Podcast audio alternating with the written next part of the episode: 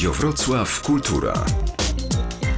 Dobry wieczór, Grzegorz Hojnowski. Witam Państwa w Wieczorze z Kulturą w Radiu Wrocław i Radiu Wrocław Kultura. Dzisiejszy program spędzimy razem z Markiem Krajewskim, autorem najnowszej powieści Pomocnik Kata, powieści o przygodach szpiega, policjanta Edwarda Popielskiego, gliny z Lwowa, który znów wyrusza tym razem w Polskę lat dwudziestych ubiegłego wieku. Naszą rozmowę, która odbyła się parę dni temu telefonicznie, podzieliłem na trzy części. Pierwszą nazwałem historyczną, drugą powieściową, literacką, a trzecia część to po prostu część trzecia. Pomiędzy nimi będziemy słuchać utworów z musicalu Mok Czarna Burleska Teatru Muzycznego Kapitol we Wrocławiu. Ale muzyka za chwilę, najpierw pierwsza część rozmowy, zanurzamy się z autorem w historię.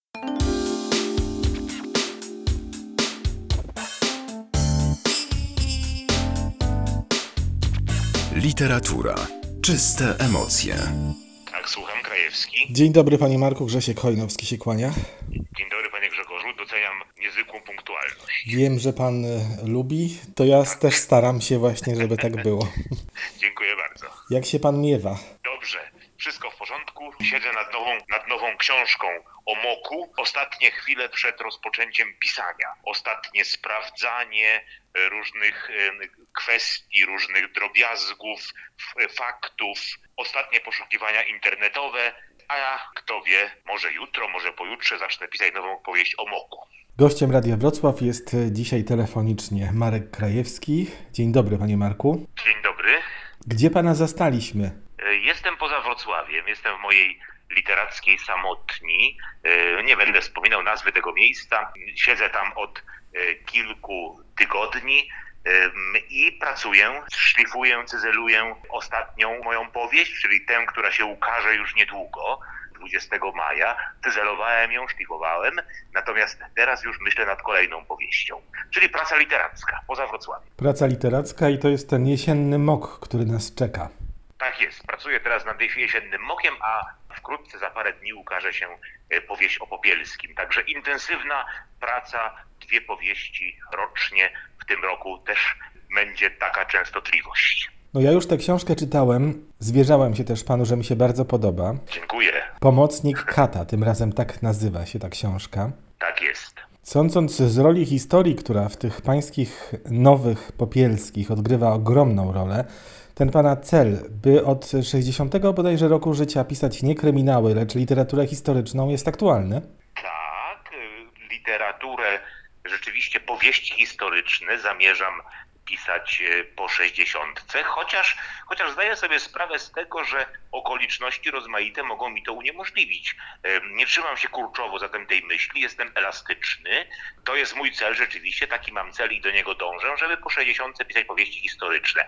Jeżeli się okaże ten cel niemożliwy do zrealizowania, no to będę też pisał powieści historyczne, ale kryminalne, czyli nie będę odchodził od moich bohaterów, czyli od Eberharda Moka i od Edwarda Popielskiego. Biorę pod uwagę rozmaite e, sytuacje, rozmaite okoliczności. Mm, Jestem przygotowany na wszelkie działania, ale rzeczywiście, słusznie pan zauważył, teraz intensywność występowania wątków historycznych w moich dwóch ostatnich powieściach o Popielskim wskazuje wyraźnie ten kierunek, w którym zmierzam. Mianowicie no, coraz bardziej fascynuje mnie historia. E, Coraz bardziej interesuje mnie historia, zwłaszcza Polski międzywojennej, zwłaszcza interesuje mnie działalność e, tajnych e, służb II Rzeczypospolitej. Myślę, że będę pogłębiał nawet naukowo te zagadnienia, ponieważ zamierzam się zapisać, być może zrobię to w tym roku już, na studia podyplomowe z historii służb specjalnych, które są w Warszawie proponowane w Akademii Sztuki Wojskowej. Są takie studia podyplomowe i kto wie, czy nie będę słuchaczem tych studiów. To też coraz mocniej, coraz głębiej wchodzę w materię historyczną.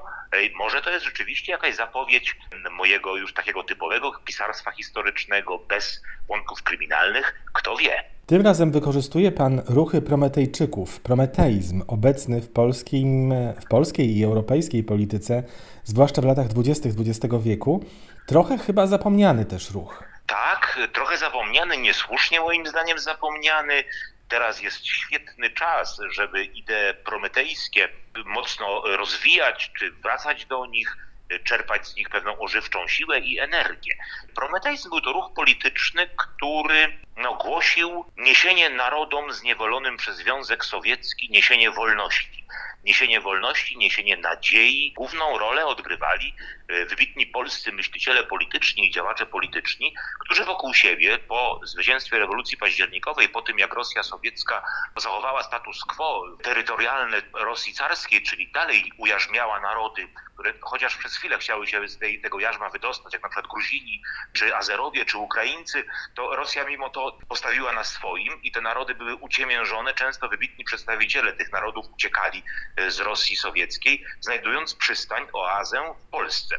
W Warszawie gromadzili się wybitni politycy, na przykład Simon Petlura, powiedzmy. Tutaj w Warszawie znaleźli dobry grunt do swojej działalności, zwłaszcza, że byli wspierani przez wybitnych polityków polskich, którzy chcieli razem z nimi stworzyć taki ogólny front, ogólny front, który miał przynieść tym zniewolonym przez Rosję sowiecką narodom wolność, jak Prometeusz przyniósł ogień. Takie to nawiązanie do Prometeusza mitycznego było bardzo widoczne. I ten ruch prometejski rozwijał się w Polsce, był wspierany bardzo mocno przez polskie służby specjalne. Jednym z takich najwybitniejszych działaczy tego ruchu, dodajmy, że ten ruch prometejski był oczywiście, nie miał nic wspólnego z jakimś polskim nacjonalizmem. Był raczej właśnie otwarciem na tradycję pierwszej Rzeczpospolitej, był otwarciem na samostanowienie narodów, powiedzmy, które kiedyś wchodziły w skład pierwszej szlacheckiej Rzeczypospolitej. Przedstawicielem takim wybitnym był Henryk Józefski. Ja się jego biografią zachwyciłem. Wydana została ta książka przez znak. Timothy Snyder, wybitny historyk i politolog amerykański, napisał książkę o Henryku Józefskim pod tytułem Tajna wojna. I wtedy już, jak przeczytałem tę książkę, pomyślałem, że może kiedyś wrócę do tej postaci, do idei prometeizmu. Wykorzystam ją oczywiście we właściwy y, sobie sposób, czyli po prostu jako y, dobrą materię do powieści, którą nazwałbym kryminałem szpiegowskim. Oj tak, y, Henryk Józefski pojawia się no, bardzo pobocznie w tej książce. Warto by było może poświęcić mu więcej czasu. Malarz, minister, zmarły zresztą dopiero w 1981 roku, leży na powązkach. I tak zdaje się, że po wojnie przez chwilę ukrywał się we Wrocławiu. A nie wiedziałem, nie wiedziałem o tym. Tych losów wrocławskich Józefskiego nie znałem. To bardzo interesujące. Kilka miesięcy Bo... chyba to trwało. Coś takiego, to aż, wie pan, y, ta informacja mnie zelektryzowała. Kto wie, czy kiedyś jej nie wykorzystam. Bardzo dziękuję. Muszę podrążyć dokładnie y, to zagadnienie. Nie pamiętałem tej historii z książki Timothy'ego Snydera. To bardzo ciekawe. Wspomina pan również, przypomina też coś, o czym w apologiach Cudu nad Wisłą, w tym roku mamy setną rocznicę, zapominamy, tak. że następujący po tej wojnie polsko-bolszewickiej traktat ryski był klęską Polski. Och, to Tutaj się historycy wspierają. Ja, ja nie jestem historykiem i, i tutaj ja prezentuję pewien taki mocny punkt widzenia, który mówi, że wygraliśmy wojnę, a przegraliśmy pokój. To przegranie pokoju byłoby właśnie bardzo widoczne w postanowieniach traktatu ryskiego. To jest pewien pogląd, który prezentuje kilku historyków. On mi jest jakoś bliski, on mnie przekonuje, ale zdaję sobie sprawę i o tym wiedzą wszyscy, którzy interesują się historią, że tak naprawdę no, traktat ryski był właściwie czymś, czymś nieuniknionym. To znaczy, mm, wszelkie tam jakieś kiepskie czy nie najlepsze postanowienia tego traktatu, mm, obietnice Sowietów, te postanowienia, które stawiają pod znakiem zapytania wartość tego traktatu, one oczywiście były niewielkim argumentem przeciwko traktatowi ryskiemu wobec ogromnej chęci całego społeczeństwa polskiego, by skończyła się wreszcie, by skończyło się wreszcie to ciągłe, straszliwe wojowanie. Ludzie w Polsce, obywatele polscy mieli dość wojny, po prostu. I traktat ryski musiał nastąpić. E, moim zdaniem hurra optymistyczne opinie, że Piłsudski powinien wykorzystać panujący wówczas entuzjazm i po prostu ruszyć na Moskwę jak, jak Napoleon. No właśnie, jak Napoleon, czyli pewnie by się skończyło tak jak w wypadku Napoleona. Tak czy inaczej nie da się ukryć, że oto przeciwko sobie stanął z rycem E, wybitny negocjator sowiecki Adolf Joffe, przenikliwy, inteligentny, taki trochę powiedzmy mefistofeliczny powiedziałbym, który rozgrywał jak chciał polskimi uczestnikami tych negocjacji, a uczestnicy byli niestety dobrani według klucza parlamentarnego. I byli tam tacy ludzie, jak na przykład Jan, Jan Dąbski czy inni, którzy tak naprawdę nie zależało im ani na federacyjnej koncepcji Piłsudskiego, ani nie zależało im na czymś w rodzaju e, odrodzenia idei napoleońskiej, czyli nawet niesienia pomocy ludom podbitym przez Związek Sowiecki. Byli to często nacjonaliści, ludzie, którzy wąsko patrzyli na przyszłość Polski, a Piłsudski miał swojego jednego człowieka, tam Ignacego Matuszewskiego, pułkownika Ignacego Matuszewskiego, który włosy rwał z głowy, kiedy słyszał, na co się polska delegacja zgadza. Oczywiście to jest spojrzenie jednostronne, ale bardzo literacko interesujące. Ja nie jestem historykiem, jestem pisarzem i wykorzystuję traktat ryski, przedstawiam go tutaj w sposób być może jednostronny, ale mam do tego powiedzmy prawo i tutaj nawet jeżeli historycy mi zarzucą jakieś błędy, zawsze mam, mam wygodną wymówkę. Jestem pisarzem, nie naukowcem. Bardzo zresztą zajmująco Pan pisze o tej historii e, Polski tych lat dwudziestych, zwłaszcza oczywiście. Mamy tutaj zamach, e, przygotowania do zamachu na ambasadora Wojkowa, ale ta duża historia jest, e, jak to zwykle w pańskich powieściach, również zrównoważona tą, powiedzmy, że codzienną. Rozpoczyna pan powieść od procesu sklepikarza, pedofila, szokującego dziś nas też wyroku, zaledwie dwa lata więzienia. To rzeczywiście była norma w tamtych czasach? Tak jest. O tym pisze znakomity autor, historyk Kamil Janicki w swojej powieści Epoka bez wstydu z podtytułem O czym nie chcielibyśmy wiedzieć w odniesieniu czy co do epoki międzywojnia. Kamil Janicki opisuje to bardzo e, dokładnie, powołując się na źródła i te wyroki były, no, no wstrząsają nas dzisiaj, ba, kiedy porównujemy je z wyrokami, które zapadały w jakichś drobnych sprawach, jakieś drobne defraudacje czy o jakieś drobne wykroczenia, to czasami te, w tych sprawach wyroki były wyższe niż w sprawach o pedofilię. Jest to straszne. Jest spowodowane różnymi przyczynami. Między innymi tym, co, o czym pisze wyraźnie Kamil Janicki w swojej książce, mianowicie takim fałszywym, czy no każde tabu polega na jakiejś hipokryzji, prawda? I to tabu um, dotyczące um, gwałtu na nieletnich dziewczynkach, na dzieciach, tutaj to tabu bardzo mocno dochodzi do głosu. Sędziowie wydają te małe, niskie wyroki obawiając się rozgłosu, nie chcąc, nie chcąc by o tych sprawach mówiono wiele. Y, dziecko bardzo często jeszcze jest uważane za jakiegoś takiego połowicznego człowieka. To nie jest właściwie człowiek, któremu można przypisać całe człowieczeństwo, powiedzmy.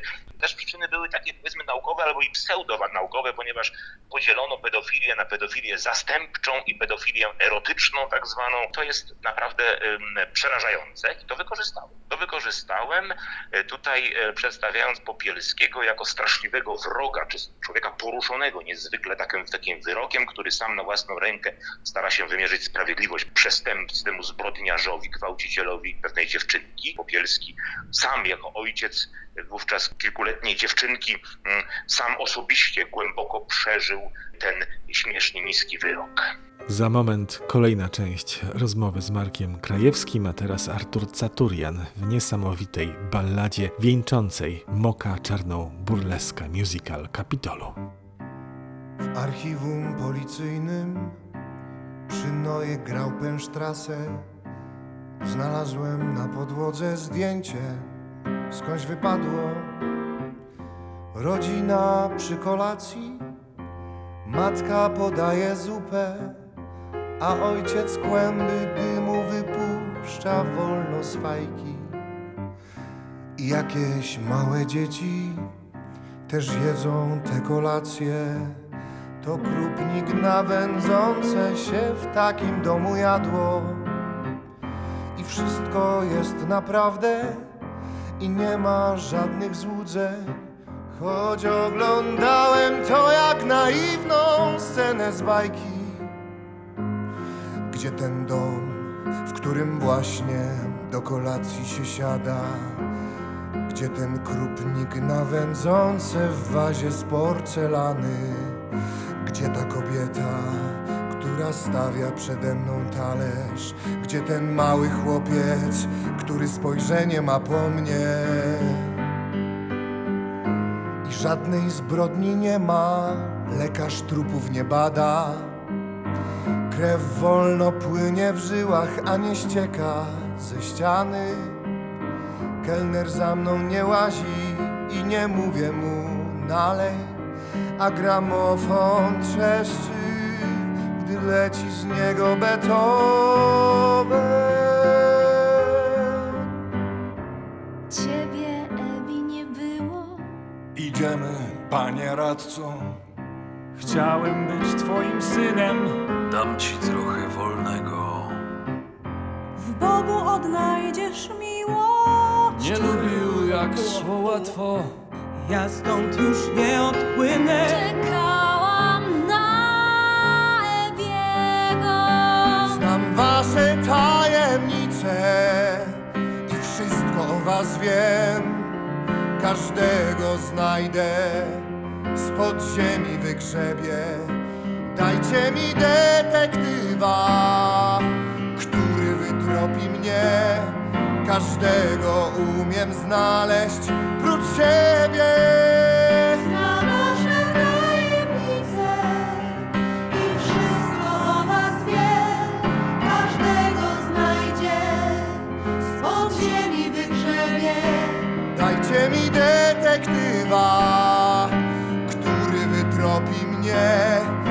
Każdego umiem znaleźć, prócz siebie. Jestem waszym mistrzem, waszym mistrzem dedukcji. Jestem, do wynajęcia jestem. Jestem waszym mistrzem, waszym mistrzem dedukcji. Jestem mistrzem spełniania oczekiwań.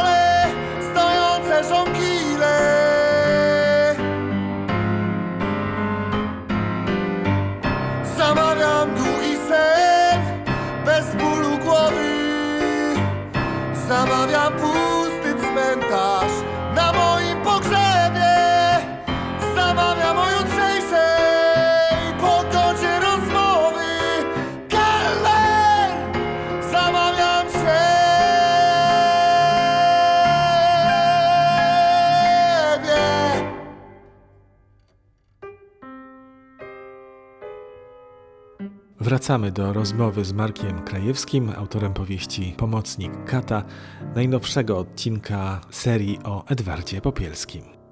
Wieczór z Radiem Wrocław. Kultura. Popielski ma 40 lat, jest rok 1926. Rzeczywiście macza palce w tym społecznym wymierzeniu sprawiedliwości owemu pedofilowi. Zostaje zawieszony w prawach policjanta. Co jeszcze możemy zdradzić? Możemy jeszcze powiedzieć, że Popielski będzie prowadził pewną tajną kontrwywiadowczą misję w różnych miejscach Polski międzywojennej. Tutaj zagości będzie no, wyraźnie przez e, kilkadziesiąt stron obecne Wilno. Wilno, w którym to mieście jeszcze nigdy nie byłem osobiście. Nie widziałem Wilna. Trzeba to naprawić, trzeba to zmienić, ale e, tym razem e, korzystałem z pomocy z internetu oczywiście, ale i z pomocy mojego współpracownika, który ma wileńskie korzenie, to pan Mikołaj Kołyszko, z- mój znakomity eksplorator, poszukiwacz, który jest e, zaangażowany przez wydawnictwo Znak do tego, aby szukać rozmaitych dla mnie informacji i wiadomości. I on mi to Wilno znakomicie przybliżył. Zatem mamy Wilno, mamy ziemię świętokrzyską, Mamy ziemię mazowiecką, małe miasteczko Sierpc. Mamy, jeżeli chodzi o ziemię świętokrzyską, to tutaj opisuję więzienie ciężkie na Świętym Krzyżu. Jeden, z najbardziej ponurych zakładów karnych Polski międzywojennej i wcześniejszych jeszcze dziesięcioleci. Bo po konfiskacie e, klasztoru władze carskie założyły tam więzienie, prawda? E, Otóż ziemia świętokrzyska, ale przede wszystkim, a potem no, w dużej mierze wracam na Wołyń, na którym zagościłem na dłużej. Przebywałem w powieści, powieści Dziewczyna o czterech palcach. Tam na Wołyniu, pod samą granicą polsko-sowiecką, toczą się też dramatyczne wydarzenia. Tyle mogę zdradzić, mogę jeszcze dodać, no, że Popielski jest zaangażowany półprywatnie przez ludzi związanych z polskimi służbami specjalnymi, a także z ruchem prometejskim do przeprowadzenia pewnej tajnej misji. Panie Marku, a czy pan jada, wiemy, że nie był pan w Wilnie, ale czy pan jada te wszystkie potrawy, te ostrygi pokropione cytryną, posypane smażonym czosnkiem, albo czy pije pan nalewkę tryż divinis? Nie, akurat ostrygi były opisane w epizodzie warszawskim i, i to na tę, na tę potrawę natrafiłem. To była słynna restauracja Stecki i Simon w Warszawie na krakowskim przedmieściu, w której właśnie takie ostrygi posypywane prażonym czosnkiem, podawano i skrapiane cytryną, e, to jedzono. Ja nie jadłem tak tej potrawy, chociaż jadłem coś chyba podobnego, mianowicie jadłem kiedyś przegrzebki, muszle świętego Jakuba, to znaczy e, to jadłem z dodatkiem lekko przysmażonych płatków czosnku i pokropione to było oliwą. Było to przepyszne. Natomiast wileńskie potrawy, tryż divinis to jest e, trojanka litewska, czyli nalewka z trzech ziół. Tego alkoholu, tej nalewki nie piłem, bo ja w ogóle nie piję alkoholu od wielu lat. Jestem całkowitym abstynentem. Natomiast em, tam jest taka scena podczas pobytu popielskiego w Wilnie. e, Mój bohater zjada ogromne, można powiedzieć, gargantuiczne śniadanie, składające się z kotletów baranich na przykład, z nogi cielęcej w cieście i tak dalej. Sporo różnych rzeczy. Wychodzi tutaj po prostu popielskie do jakiegoś ogromnego, straszliwego żarłoka. Można by zapytać, czy ja nie przesadziłem, opisując takie właśnie śniadanie. Proszę sobie wyobrazić, no śniadanie to było, jak pan na pewno pamięta, składające się z ziemniaków, prawda, podsmażanych, z tej nogi cielęcej w cieście, z trzech kotletów baranich i tak dalej, i tak dalej. Kto jest w stanie tyle zjeść na śniadanie?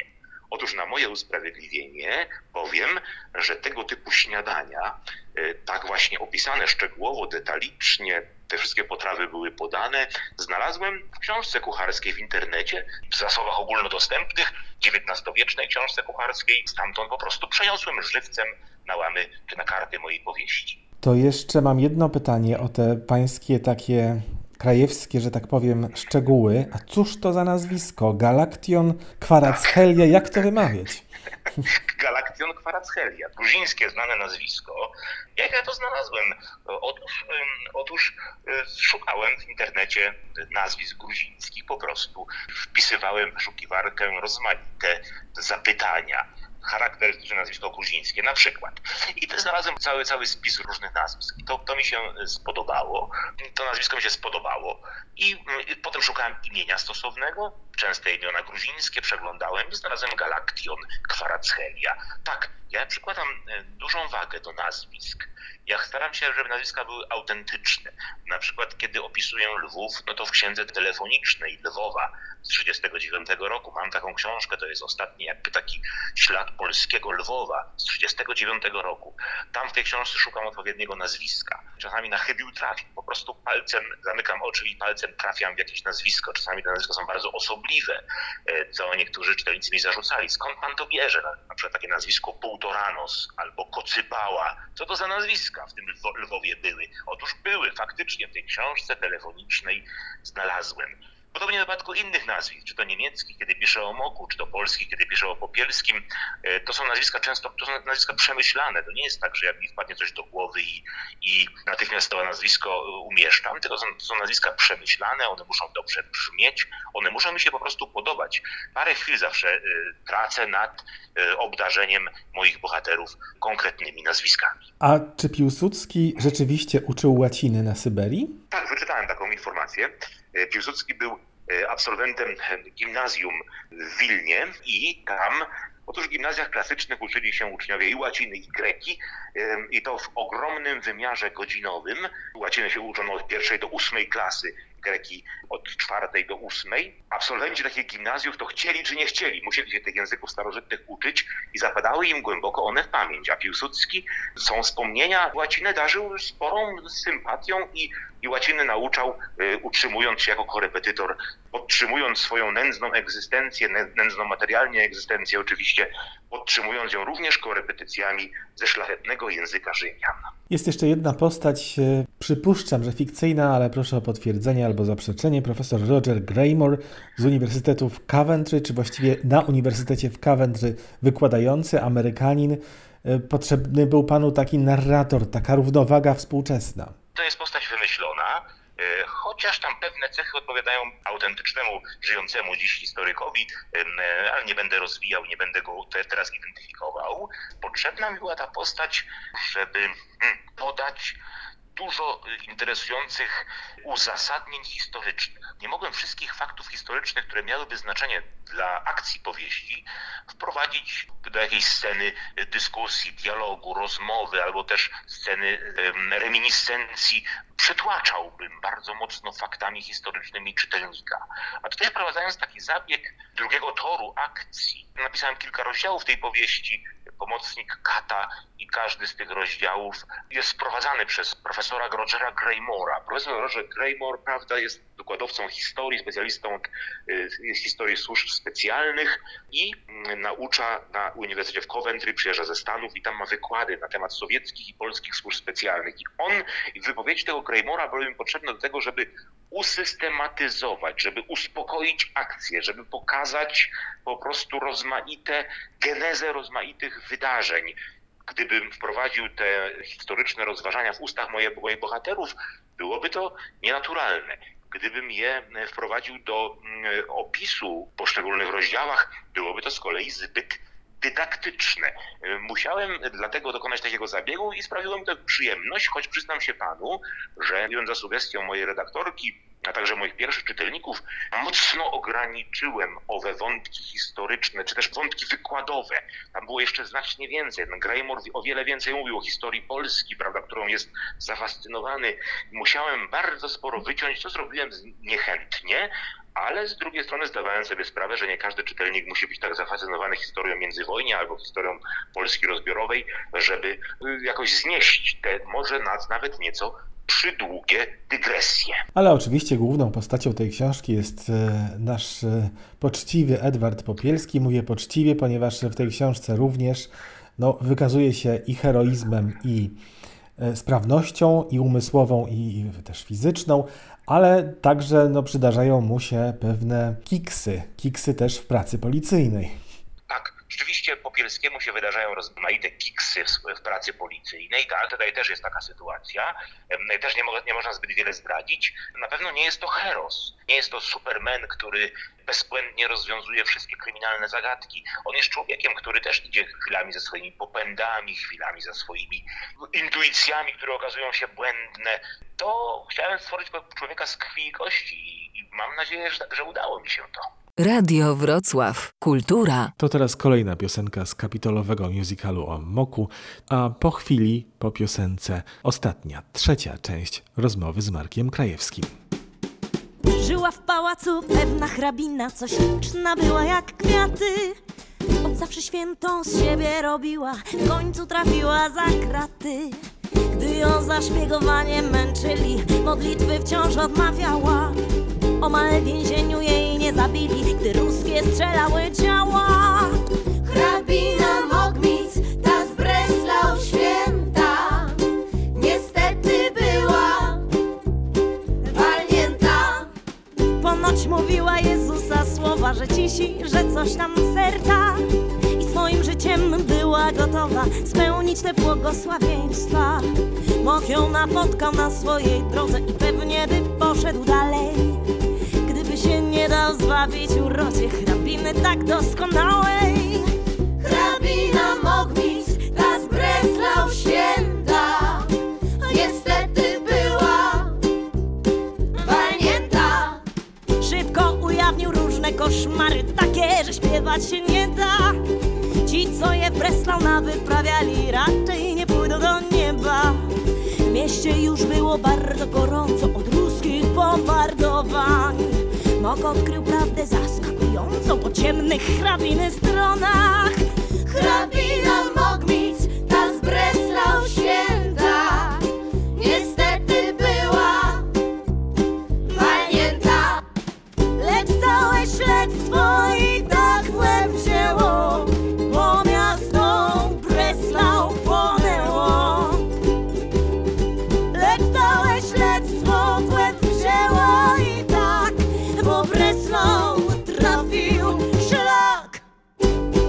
A czy coś pan wie na temat y, serialu o Popielskim? Coś wiem, sporo nawet wiem, ale producenci serialu prosili mnie o zachowanie milczenia.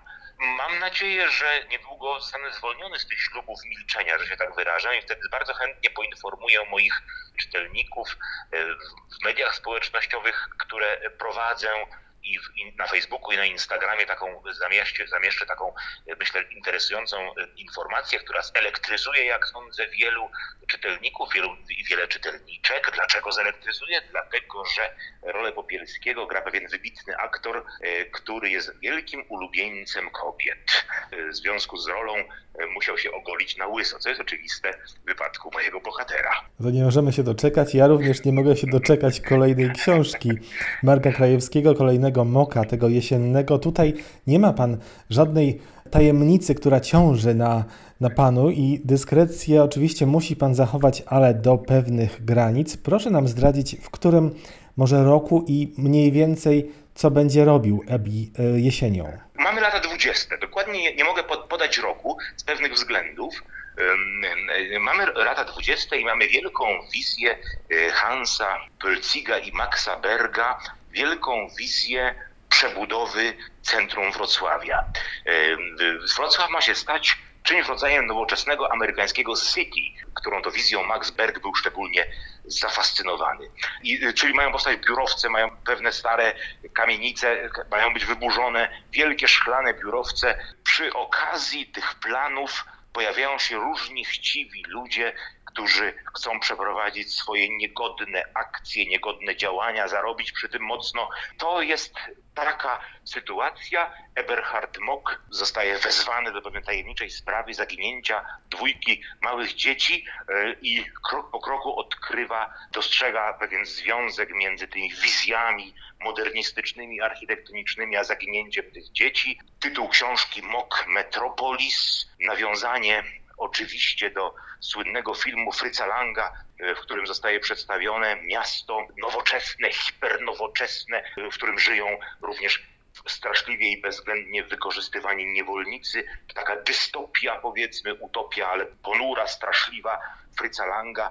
Architektoniczna strona czy wizualna strona tego filmu do dziś może budzić ogromne zainteresowanie, do dziś budzi pewien dreszcz u miłośników sztuki. E, Moje odwołanie będzie wyraźne w opowieści Mok Golem, w której się odwołałem do kina e, ekspresjonizmu niemieckiego. Kolejna Mok Metropolis, w tej kolejnej to odwołanie jeszcze, jeszcze jest wyraźniejsze. Bardzo panu dziękuję za rozmowę. Bardzo proszę, Gratuluję, bardzo miło. gratuluję kolejnej świetnej książki. Dziękuję. Cieszę się, że panu się podobała, naprawdę. Wielka radość. E, Czekam jeszcze na opinię. Na razie moi czytelnicy na Facebooku e, i na Instagramie, e, ci, którzy przeczytali, to piszą dobre słowo na temat tej książki. Świetnie, że mogę uczynić zadość im oczekiwaniom, również pańskim oczekiwaniom. Dziękuję panie Grzegorzu za do, dobrą opinię i za wywiad, za zaproszenie mnie do audycji. Szkoda, że nie osobiście, no ale taki czas, jaki mamy Taki teraz, czas. Tak. jest właśnie taki, a nie inny. Jak pan znosi te, ten czas, tę pandemię? No, jeżeli chodzi o e, życie pisarza w czasach pandemii, to życie się niewiele zmienia. Widziałem taki dowcip e, w internecie. Jest zdjęcie, rysunek, pisarz pisze. Na, nad nim jest napis pisarz przed pandemią. Po chwili identyczne zdjęcie, to samo i pisarz, napis pisarz w czasie pandemii. I oczywiście to samo zdjęcie, pisarz siedzi przed komputerem i pisarz po pandemii. U mnie jest dokładnie tak samo, z jedną małą różnicą. Otóż Planowałem już dużo wcześniej, że w kwietniu wezmę urlop. Po napisaniu powieści Pomocnik Kata wziąłem urlop w kwietniu. E, Sam sobie ten urlop wyznaczyłem, ponieważ sam jestem moim własnym pracodawcą. I akurat ten urlop zbiegł się z kwarantanną. Jeżeli e, już ta zaraza miała w ogóle nastąpić na świecie i w moim życiu, to nie mogła sobie wybrać lepszego momentu niż właśnie, niż właśnie mój urlop, bo akurat wtedy nic nie robiłem, nic nie pisałem, tylko odpoczywałem, a odpoczywałem w jeden tylko sposób, mianowicie, e, mianowicie czytając książki i słuchając muzyki. To właśnie robiłem przez cały miesiąc. Siedziałem w domu i czytałem rozmaite książki słuchałem dużo muzyki. Tak spędziłem urlop i tak bym go też spędził, być może niekoniecznie w domu, ale poza domem, ale też nie, na pewno nie gdzieś w krajach e, odległych. Na pewno w Polsce bym był, ponieważ nie lubię e, wyjazdów, nie lubię lotnisk, tylko bałaganu, tłumu, wszystkiego, co można by określić jednym słowem chaos. E, Chaos jest obcy mojej naturze. No ale z pewnością lubi pan przynajmniej czasami spotkania literackie z y, publicznością, z czytelnikami. Tego być może panu, no przynajmniej w najbliższych tygodniach zabraknie. To prawda, tego żałuję. Nad tym ubolewam, że nie będę mógł się spotkać z moimi czytelnikami, nie będę mógł dostrzec w ich oczach błysku zainteresowania, nie będę mógł wysłuchać ich uwag, także i czasami pytań, pytań e, czasami trudnych, wnikliwych, czasami bardzo trafnych, e, kąśliwych komentarzy. E, To tego wszystkiego mi brakuje. Tego żałuję, no ale cóż, jako e, człowiek, który mm, raczej stara się pogodzić ze światem, a nie buntować przeciwko światu, przeciwko wydarzeniom, które nas wszystkich dotyczą, odpowiadam prostym, y, tautologicznym zdaniem: jest jak jest. Trzeba się podporządkować wymogom czasu, w którym przyszło nam żyć. I koniec. Koniec również naszej dzisiejszej rozmowy i programu Wieczór z Kulturą. Panie Marku, bardzo serdecznie jeszcze raz dziękuję. Do zobaczenia. Dziękuję bardzo. Dziękuję, było mi bardzo miło. Do widzenia, do zobaczenia.